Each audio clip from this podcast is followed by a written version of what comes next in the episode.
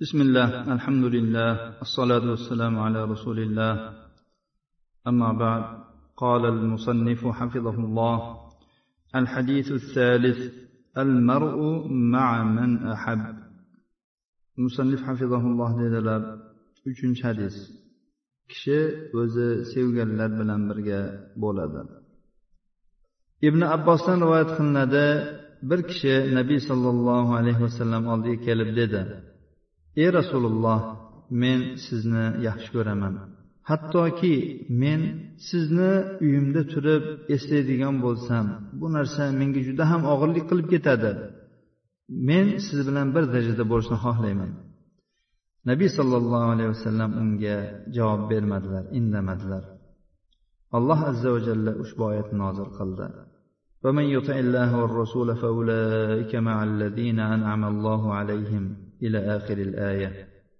صحيح مسلم ده صابت بولغانكي أن ربيعة ابن كعب الأسلمي أنه قال كنت أبيت عند النبي صلى الله عليه وسلم فأتيته بوضوئه وحاجته فقال لي سل. فقلت يا رسول الله أسألك مرافقتك في الجنة. فقال أو غير ذلك؟ قلت هو ذاك. قال فأعني على نفسك بكثرة السجود. وهذا معنى قوله صلى الله عليه وسلم المرء مع من أحب ربيعة ابن كعب الأسلمي رواية قلنادي u dedi men nabiy sollallohu alayhi vasallamning oldida tunardim bir tunda men u zotga tahorat suvlarini va hojati bo'lgan narsalarni olib keldim shunda u zot so'ra dedilar men ey rasululloh siz bilan jannatda birga bo'lishni so'rayman. U zot bundan boshqa narsa emasmi dedilar. Men mana shu xolos dedim. U zot aytdilarki unday bo'lsa ko'proq sajda qilish bilan o'zing ustingda menga yordam ber. Mana shu rasululloh sollallohu alayhi vasallamning kishi o'zi yaxshi ko'rgan kishilar bilan birga degan so'zlarning ma'nosidir. Agar kishi ko'proq sajda qilish bilan o'ziga yordam qiladigan bo'lsa u yaxshi ko'rgan kishilar bilan qiyomat kunida birga bo'ladi muhabbat ko'rinishlaridan yana bir ko'rinish amr ibn murra al juhaniydan rivoyat qilinadi dedi جاء رجل إلى النبي صلى الله عليه وسلم فقال يا رسول الله شهدت أن لا إله إلا الله وأنك رسول الله وصليت الخمس وأديت زكاة مالي وصمت شهر رمضان فقال رسول الله صلى الله عليه وسلم من مات على ذلك كان مع النبيين والصديقين والشهداء يوم القيامة bir kishi nabiy sollallohu alayhi vasallam oldilariga kelib dedi ey rasululloh men alloh taolodan boshqa barhaq iloh yo'q faqat ollohgina barhaq deb va siz ollohning elchisi ekanligingizga guvohlik berdim besh vaqt namozni o'qidim Molimning zakotini ado qildim. Ramazon ro'zasini tutdim. Shunda rasululloh sollallohu alayhi vasallam dedilarki kim mana shu holatda vafot etadigan bo'lsa u qiyomat kunida nabiylar siddiqlar va shahidlar bilan birga bo'ladi. Nabiy sollallohu alayhi vasallam ummatlarini alloh taolo yo'lida muhabbatlashishga yo'llashlikda va yaxshi ashoblarni tanlashlikka yo'llashda davom etdilar. Gohida aytadilarki al mar'u ma khalilihi falyanzur man yuhalil kishi do'sti bilan birgadir. Sizlardan biringiz kim bilan do'st yashayotganiga qarasin. Boshqa safar aytardilarki al mar'u ma man ahabba. Kishi o'zi yaxshi ko'rgan kishi bilan birgadir. Bularning ichidagi eng katta bashorat sahih hadislarda mutavotir yo'llar bilan bir qancha sahobalardan sobit bo'lgan ushbu hadisdir. Rasululloh sollallohu alayhi vasallam bir kishi haqida so'raldilar. U odam bir qavmni yaxshi ko'radi va lekin ularga yetisholgan emas ya'ni amallarda ularga yetisholgan emas. U zot kishi o'zi yaxshi ko'rgan kishisi bilan birga bo'ladi dedilar. Anas roziyallohu anhuning rivoyatida men rasululloh sollallohu alayhi vasallamni yaxshi ko'raman. Abu bakr va umar roziyallohu anhuni yaxshi ko'raman va alloh taolodan meni ular bilan birga mahshargohda qayta tiriltirishni umid qilaman. Garchi men ularning amallari kabi amalni qilolmagan bo'lsam ham. mana shu rasululloh sollallohu alayhi vasallam kishi o'zi yaxshi ko'rgan kishisi bilan birga degan paytlarida maqsad qilgan e, maqsadlari va tushunchalaridir u zot mana shu do'stlikka o'zlarining juda ham ajoyib so'zlari bilan tashjiya qiladilar فعن ابي سعيد الخدري رضي الله تعالى عنه قال قال رسول الله صلى الله عليه وسلم إن أهل الجنة ليتراءون أهل الغرف من فوقهم كما تراءون الكوكب الدري الغابر في الأفق من المشرق أو المغرب لتفاضل ما بينهم. قالوا يا رسول الله تلك منازل الأنبياء لا يبلغها غيرهم. قال بلى والذي نفسي بيده رجال آمنوا بالله وصدقوا المرسلين. أخرجه في الصحيحين من حديث مالك. Abu saidin al hudriy roziyallohu anhudan rivoyat qilinadi. Dedilar rasululloh sollallohu alayhi vasallam aytdilar jannat ahli xonalaridan o'zlaridan yuqoridagilarni xuddi sizlar osmondagi yaraqlagan yulduzni mashriq yoki mag'rib tomonda ko'rganlaringiz kabi yuqoridan ko'radilar. Bu ularning o'rtasidagi darajalardagi farq tufaylidir. Ular ey rasululloh bu siz aytganingiz ambiyolarning manzilatlari darajalari u yerlarga ambiyolardan boshqalari yetisholmaydi shundaymi deb so'rashdi. Shunda rasululloh sollallohu alayhi vasallam aytdilarki unday emas. Jonim qo'lida bo'lgan zotga qasamki ular ollohga iymon keltirgan va payg'ambarlarni tasdiqlagan kishilardir.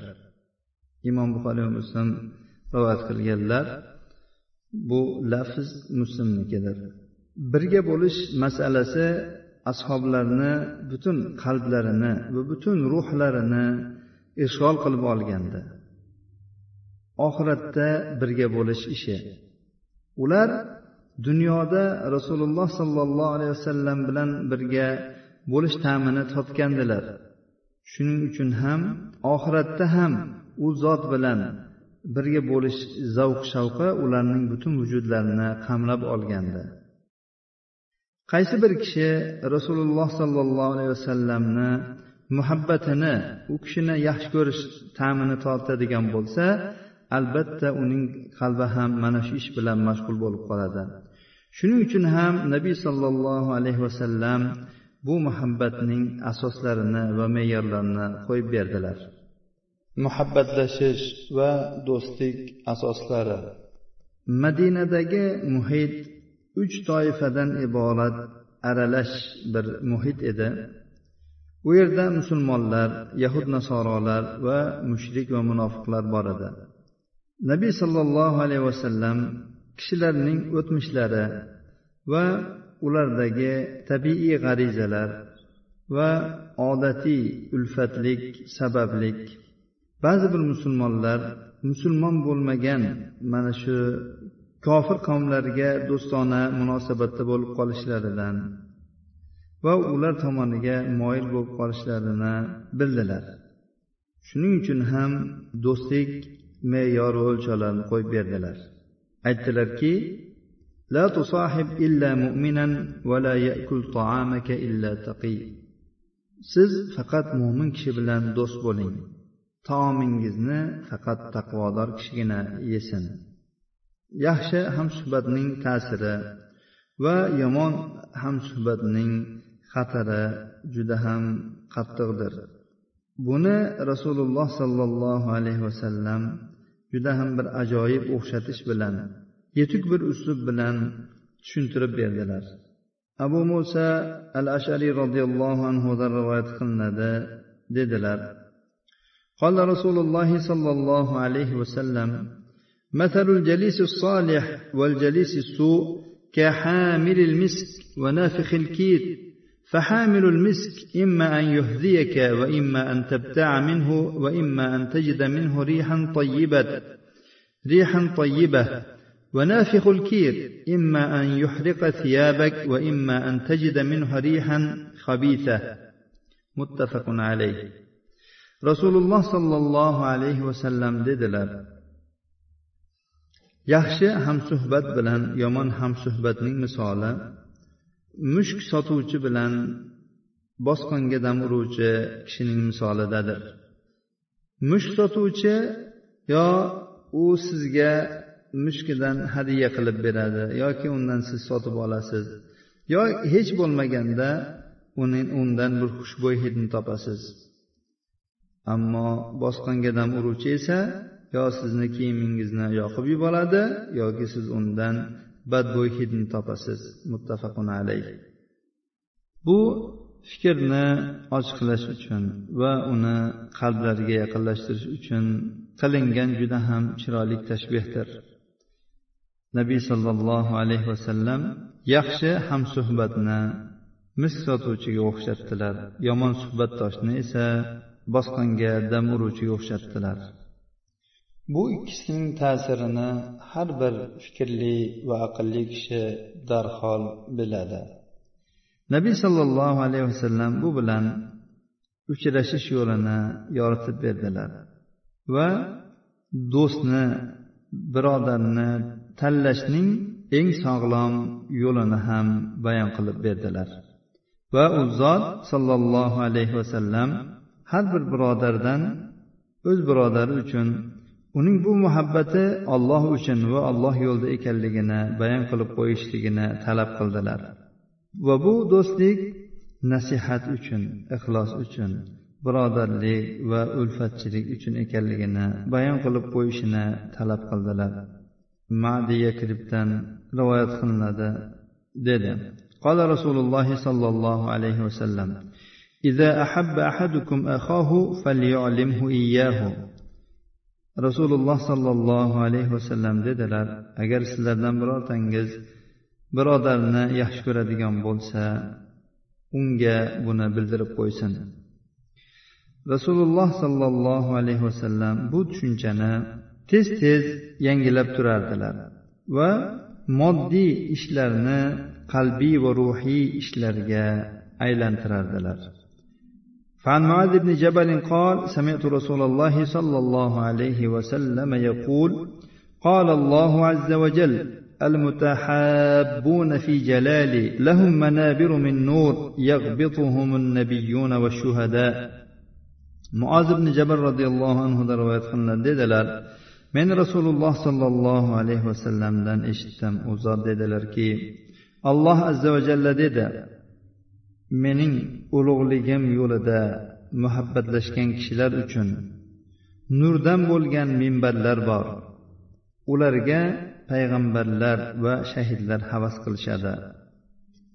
Kishi komil iymon bo'lish uchun olloh va rasulini boshqa hamma narsadan ko'ra ko'proq yaxshi ko'rish kerak ekanligi ta'kidlab o'tildi. Demak kishining butun dunyoga bo'lgan shavqi va dunyodagi butun shahovatlarga bo'lgan moyilliklaridan ko'ra unga alloh va rasulining muhabbati ustunroq bo'lishi ekanligi lozim ekan. Alloh taoloning muhabbati bu insonning butun hayotini qamrab olgan bo'lishi va uning butun qalbini ham egallab olgan bo'lishi kerak ekan. Shu nuqtai nazardan ba'zi bir ulamolar bandaga alloh taoloning muhabbatini alloh taologa bandaning muhabbatini olib keladigan sabab va turtkilar haqida bahs yuritganlar. Ibnul qayyim rahimaulloh bu xususda juda ham bir ajoyib bahs qilganlar. U zot o'zlarining madorji solikin degan kitoblarida muhabbatni jalb qiluvchi sabablarni sanaganlar. Biz ularni ba'zilarini keltirib o'tamiz. Birinchisi qur'onni tadabbur bilan ma'nolarini tushunib va bu ma'nolardan nima maqsad qilinganini bilib qiroat qilish. Ikkinchisi farz namozlardan keyin alloh taologa nafl ibodatlar bilan qurbat qilish. Uchinchisi alloh taoloni butun holatlarida tili bilan qalbi bilan amali bilan va holati bilan zikr qilishi. To'rtinchisi nafs havo g'olib kelgan paytlarida alloh taolo yaxshi ko'rgan narsalarni o'zi yaxshi ko'rgan narsadan ustun qo'yishi. Beshinchisi qalb alloh taoloning ism sifatlarini mutolaa qilishi uni mushohada qilishi va uni tanishi. Hamda mana shu ma'rifat bog'ida va uning maydonlarida aylanib yurishidir. Oltinchisi alloh taoloning o'ziga qilayotgan yaxshilik ehsonlarini va zohiru botin ne'matlarini mushohada qilish. Bu ham alloh taoloning muhabbatiga olib boruvchi narsadir. Yettinchisi alloh taolo huzurida qalbni siniq tutish hokisor turish. Sakkizinchisi kechaning oxiridagi ilohiy nuzul vaqtida alloh taologa murojaat qilish uchun uning kalomini tilovat qilib alloh taolo bilan xilvatda bo'lish. To'qqizinchisi haqiqiy sodiq alloh taoloni yaxshi ko'ruvchi kishilar bilan birga o'tirish va ularning shirin so'zlarining samaralaridan terib olish. Mana shu sabablar tufayli yaxshi ko'ruvchilar muhabbat manzilatlariga darajotlariga yetishgandirlar. Mana shu vositalar dunyo kirliklaridan va shahvatlaridan qalbni tozalash va qalbni modda va dunyoni yaxshi ko'rish va o'limni yomon ko'rish kirliklaridan tozalash uchun bir vositalardir. Mo'min qiyomat kunida o'zi yaxshi ko'rgan payg'ambarlar shahidlar solihlar bilan birga qayta tiriladi ular qanday ham yaxshi hamrohlardir. Hadisdan olinadigan foydalar. Birinchisi ushbu hadis yaxshi do'stlarni va ulfatlarni tanlash va yaxshilar bilan birga o'tirishga ishora qilmoqda. Ikkinchisi ushbu hadis yoshlar uchun ulamolar da'vatchilar va solih kishilarni atroflariga to'planishlari uchun ularning buloqlaridan simirib ichishlari uchun va ularga bog'lanib ularni suluklaridan ko'proq ajablanib ularga solih amallarda ergashishlik uchun yo'lni yoritib bermoqda. Uchinchisi ushbu hadis birodarlik va ulfatlikka chaqirmoqda. Qur'oni karimdagi innamal mu'minuna ihva oyatida talab qilingan birodarlik tushunchalari va ma'nolarini mo'min kishining qalbida ekmoqda. To'rtinchisi mana shu mavzudagi vorid bo'lgan hadislardan mo'min kishi nabiy sollallohu alayhi vasallamni sahobalarni yaxshi ko'radigan bo'lsa va lekin ular qilgan amallarni ba'zisini qilishgagina imkon topadigan bo'lsa u ham alloh taoloning lutf karami bilan ular bilan birga mahshargohda qayta tirilishiga dalolat qilmoqda.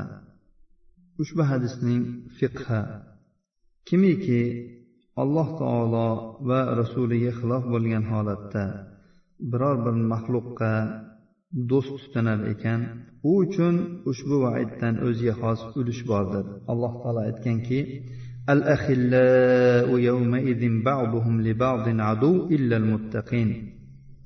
do'stlar ana shu kunda ba'zilari boshqalari uchun dushmandirlar faqat bundan taqvodorlar istisno qilingandirlar. Demak taqvodan boshqa xususda do'stlashiladigan bo'lsa albatta qiyomat kunida ular dushman bo'lib kelishar ekan alloh taolo dedi إذ تبرأ الذين اتبعوا من الذين اتبعوا ورأوا العذاب وتقطعت بهم الأسباب alloh taolo dediki ergashilgan kishilar ergashgan kishilardan o'zlarini pokliklarini e'lon qilishdi va azobni ko'rishdi ular o'rtasidagi sabablar uzilib ketdi fuzayl ibn yoz aytadilarki lays mujohiddan rivoyat qilgan bu ular o'rtasidagi alloh taolodan boshqasi uchun bo'lgan muhabbat edi. Do'stlar yaxshi ko'riladi va unga muhabbat qilinadi. Shuning uchun ham aytganlarki kishi do'stining dinidadir. Ikki bir birini yaxshi ko'rgan kishi o'rtasidagi muhabbat uning do'stini unga bo'lgan muhabbatini miqdoricha bo'ladi. Ulardan biri o'z do'stiga shu muhabbati tufayli e, olloh va rasuli yomon ko'radigan narsalarda ergashadigan bo'lsa ularning dinidan mana shu miqdorda kamayaveradi toki bu ularni shirkil akbarga olib boradi. Alloh taolo aytdiki